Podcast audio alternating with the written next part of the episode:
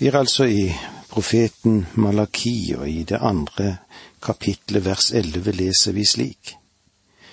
Juda har handlet troløst. Avskyelige ting har de gjort i Juda og Jerusalem.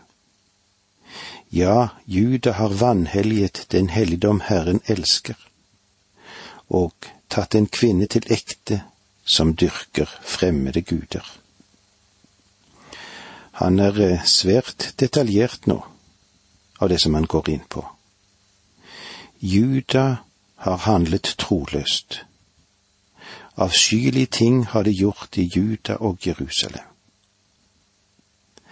Nå vet vi hvem Malaki taler om. Juda er Judas stamme. Israel inkluderer alle de tolv stammene, og Jerusalem er hovedstad og et religiøst sentrum. Ja, Juda har vanhelliget den helligdom Herren elsker. Gud taler her om å vanhellige den pakten deres fedre har gjort ved at de handlet troløst mot hverandre og mot Gud. De verdsliggjør Herrens hellighet. Gud er hellig, og Gud elsker hellighet. Gud elsker ikke synd. Han avskyr synden. Og han kan konkretisere klart hva han ikke kan tåle. Og tatt en kvinne til ekte som dyrker fremmede guder. Mennene så de vakre utenlandske pikene, de som levde rundt dem da de vendte tilbake fra fangenskapet. Så forlot de sine hustruer og giftet seg med de utenlandske kvinner som tilbar hedenske guddommer. Og det førte avgudsdyrkelsen inn igjen i folket. Vi ser det samme gjenta seg hele veien gjennom Guds ord. Og jeg tror at dette er situasjonen i Første Mosebok seks, én til syv der det sies at Guds sønner giftet seg med menneskenes døtre. Jeg kan ikke fastholde det som noe nonsens mening at Guds sønner var engler som hadde omgang med menneskelige kvinner og skapte en slags halvgudelig slekt. La oss lese det som står i Moseboken, og overskriften der Ondskapen øker på jorden. Menneskene begynte å bli mange på jorden når de fikk døtre. Gudesønnen så at menneskedøtrene var vakre, og de tok noen av dem til koner, dem de helst ville ha. Herren sa, Min ånd skal ikke for alltid bo i menneskene, for de er bare svake skapninger. Deres levetid skal være i 120 år. På den tiden, og siden også, var det kjemper på jorden. For gudesønnene levde sammen med menneskedøtrene og fikk barn med dem. Det var de veldige menn fra eldgammel tid, de navngjete. Herren så at menneskenes ondskap var stor på jorden. Alle tanker som rørte seg i deres hjerte, var onde dagen lang. Da angret Herren at han hadde skapt menneskene på jorden, og han var full av sorg i sitt hjerte. Han sa, Jeg vil utrydde fra jorden menneskene som jeg har skapt. Ja, ikke bare menneskene, men også fe og krypdyr og fuglene under himmelen. For jeg angrer at jeg har skapt dem. Så langt det som sto i Moseboken og Herren sier klart, hvis vi tenker oss at gudesønner er englene, at de ikke skal inngå ekteskap. Det ser vi i Matteus 22, 30. For etter oppstandelsen tar de ikke til ekte og tas ikke til ekte, men de er som englene i himmelen. Men det som vi har vært innom her nå, dette markerer faktisk sammenbruddet av gudsfrykten i sets ettlinje, når de giftet seg inn med Kains gudløse linje. Vi ser dette hende igjen når Israels barn nærmer seg løftets land. Kongen i Moab leide Biliam for å forbanne Israel, fordi moabittene fryktet dem. Da Gud ikke tillot Biliam å forbanne dem, så ga han moabittene kongen et dårlig råd. Dårlig for Israel. Han sa at han skulle la Moabs døtre gifte seg med Israels sønner. Det skjedde, og disse kvinnene førte med seg Moabs avgudsdyrkelse inn i Israel. Etter at Israel var delt, ble avgudsdyrkelsen fra Fønika introdusert i Nordriket gjennom ekteskapet mellom Akab og Jesabel. Hun datter av en Baal, som i utgangspunktet var en avgudsprest, og deretter ble konge i Tyros og Sidon. Det hendte det samme under den tid som Malaki var. Vi lærer av Nehemja-boken at det var alle slags hedenske folkegrupper som omga seg den rest som vendte tilbake fra fangenskapet. En ung israelitt falt for de fagre unge kvinner blant disse folkegruppene, og de besluttet seg for å gifte seg med vedkommende. Så han kvittet seg med sin israelske hustru og giftet seg med en hedensk pike. Det er den samme gamle historie som gjentar seg i våre dager, og skilsmisseraten den stiger. Og i dette rastløse samfunn vil jeg igjen gjerne understreke at en troende og en ikke-troende ikke bør gifte seg med hverandre. Jeg sier ikke det som en advarsel, men jeg sier det som et råd. Det vil være problemer nok i ekteskapet likevel. Men med det sier jeg ikke heller at det er et eh, harmonisk ekteskap, selv om begge er troende. Men mulighetene til å ha det godt, det ligger jo der. I det tolvte verset her i Malakia 2 leser vi slik. Måtte Herren utrydde fra Jakobs telt hver etling for den som gjør slikt selv om han bærer frem offergaver til Herren allherrs Gud. Måtte Herren utrydde fra Jakobs telt hver etling for den som gjør slikt. Det betyr ikke noe hvem han er. Alle vil være under den samme dom. Selv om han bærer fram offergave til Herren allherrs Gud det nytter ikke å komme unna om man fortsetter å pleie tempelritualene, men fortsetter å leve i synd. Et sant Guds barn vil ikke ønske å fortsette å leve i synd. Det er årsaken til at den fortapte sønn der i grisebingen til sist kom til seg selv og sa, Jeg vil stå opp og gå hjem til min far. Han var sønn. Han var ikke et svin. Han hadde sin fars natur, og kunne derfor ikke fortsette å leve som et svin. Vers 13 Og dette er det andre dere gjør. Dere dekker Herrens alter med tårer, gråt og sukk men han vil ikke lenger se på gaven eller ta imot deres offer med glede. Hustruene til disse menn som skilte seg fra dem og giftet seg med fremmede piker, kom gråtende frem til alteret. De felte sine tårer på alteret, og Gud sa, Jeg hørte dem.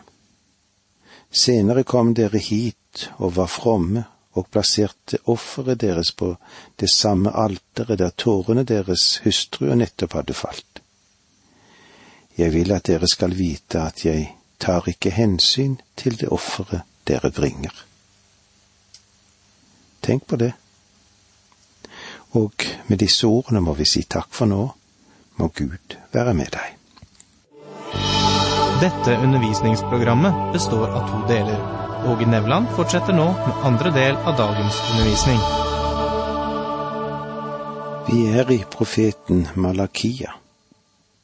Vi er kommet til dette vanskelige og problematiske området der det står om at israelittene forlot sine israelske hustruer og giftet seg og tok til ekte de fra hedenskapet.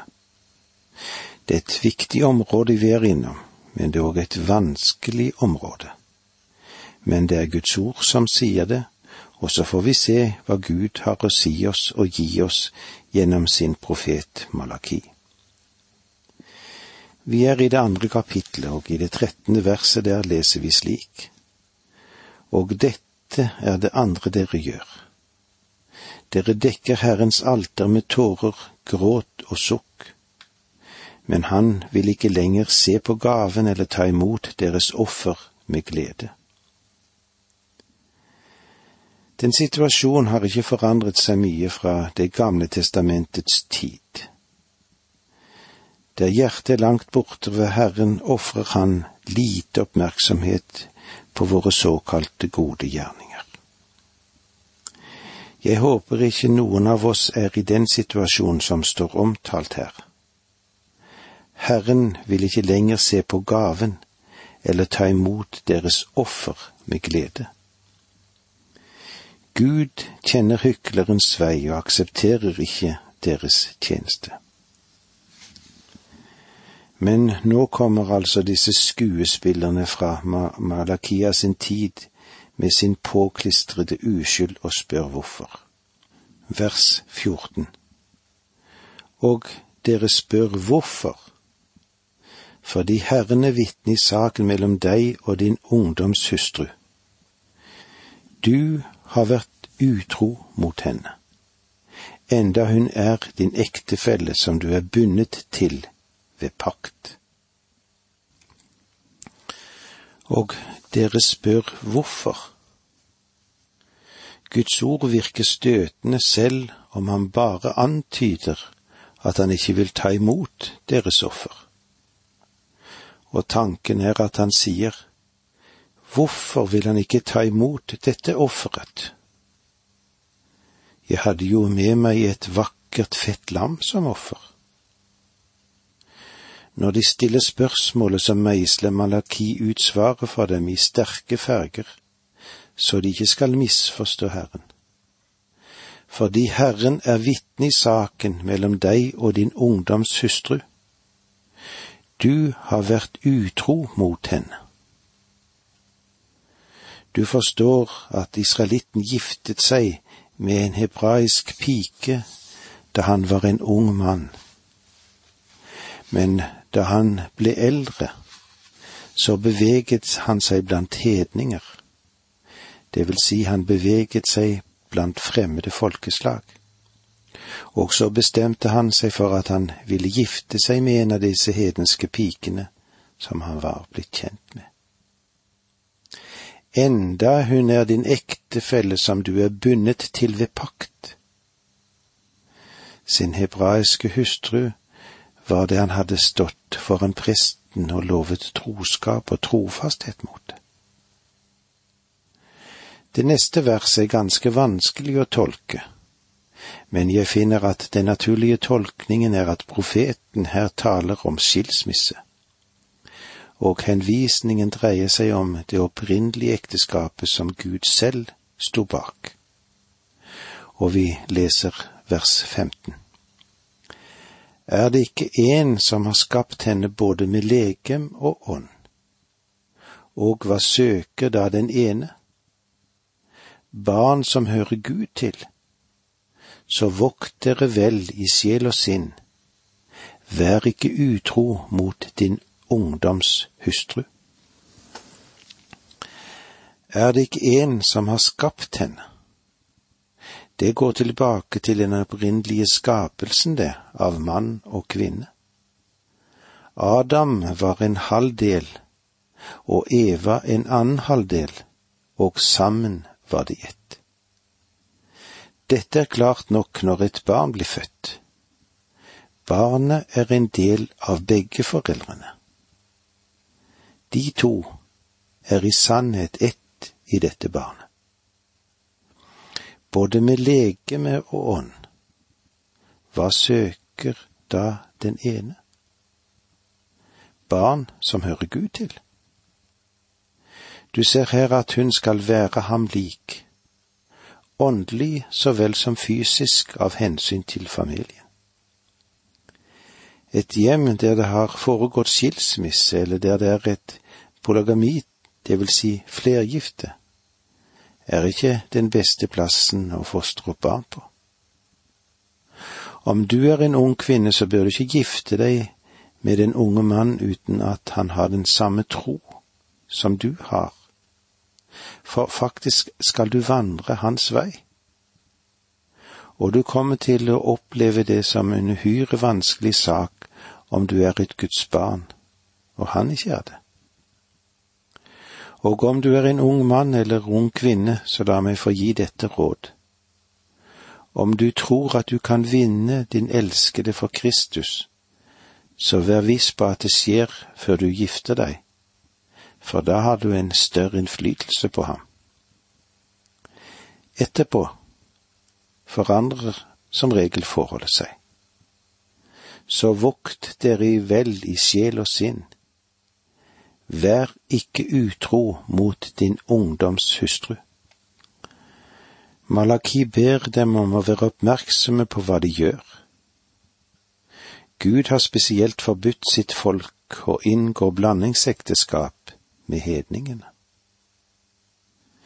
Du husker kanskje at Nehemja, etter at han hadde bygget Jerusalems murer, og vendte tilbake til sin oppgave som kongens munnskjenk i hovedstaden i det mediopersiske riket. Men etter at han hadde vært der en stund, fikk han permisjon og kom tilbake til Jerusalem. Han fant da ut at Tobia, en ammonitt, en fiende av Gud, hadde flyttet inn i et rom i tempelet. Øverste presten hadde ordnet dette for ham fordi hans sønn hadde giftet seg med datter til Tobia. Vet du hva Nehemia gjorde med det? Han dro over til tempelet og kastet ut alt som tilhørte Tobia, selv møblene, og ba ham stikke av. Du synes vel kanskje at dette er ganske brutalt? og det er heller ikke så veldig høflig. Nei, det var ikke høflig, men det renset sannelig tempelet, dette. Faktisk var Nehemja ganske så streng med folket sitt. De, som han snart fant ut, hadde giftet seg med folk fra fremmede stammegrupper, enten det, det nå gjaldt Ashtod, Ammon eller Moab. Nehemja, han forteller dette selv hvordan han behandlet dem. Nehemja 13, 25. Jeg irettesette dem og forbannet dem. Ja, noen av dem slo jeg, og jeg rev dem i håret. Så lot jeg dem sverge ved Gud at de ikke skulle gi sine døtre til disse folks sønner, og ikke ta deres døtre til koner for sine sønner eller for seg selv og han minnet dem om de katastrofer som hadde kommet over folket gjennom å gifte seg med hedninger. Kanskje trengs det noe av det som Nehemjas type var også i vår tid, som kan gå opp igjen grensene. I vers 16 leser vi slik. Jeg vil ikke vite av skilsmisse, sier Herren Israels Gud og at noen dekker sin kledning med voldsferd, sier Herren allers Gud. Så vokt dere vel i sjel og sinn, at dere ikke er troløse. I Det gamle testamentet var det slik at når en mann giftet seg med en kvinne, så tok han kappen sin og la den over henne. Denne vakre skikken skulle gi til kjenne at han ville beskytte henne. Det var eh, noe av dette den gode Boas gjorde mot Ruth. Ruth var enke, og ifølge Moseloven måtte hun ty til Boas som slektens redningsmann før han kunne handle. Han kunne ikke be henne om å gifte seg med ham. Hun måtte gjøre krav på ham. Så Noomi, som handlet som en kristen giftekvinne, sendte Ruth av gårde til treskeplassen. Det var høsttid, og alle familiene var samlet rundt treskeplassen. For å beskytte det ferdige treskete kornet sov menn om natt på natten rundt haugen med kornet og med hodet vendt mot kornet som eiken i et hjul. Ruth fulgte Noomis veiledning og lå ved Boas sine føtter. Da han ble klar over at noen var der, spurte han hvem det var, så svarte hun, Jeg er Ruth, din tjenestekvinne. Bre kappen din over meg, for du er løsningsmann. Hun ba ham legge kappen over seg og ba dermed om hans beskyttelse som løsningsmann. Med andre ord ba hun han om å gifte seg med henne. I ekteskapet tilbyr mannen kvinnen sin beskyttelse og sin kjærlighet, og hun tilbyr sin hengivelse og sitt liv. Dette er et vakkert bilde på Kristi forhold til den troende. Og med disse ordene må vi si takk for nå, må Gud være med deg.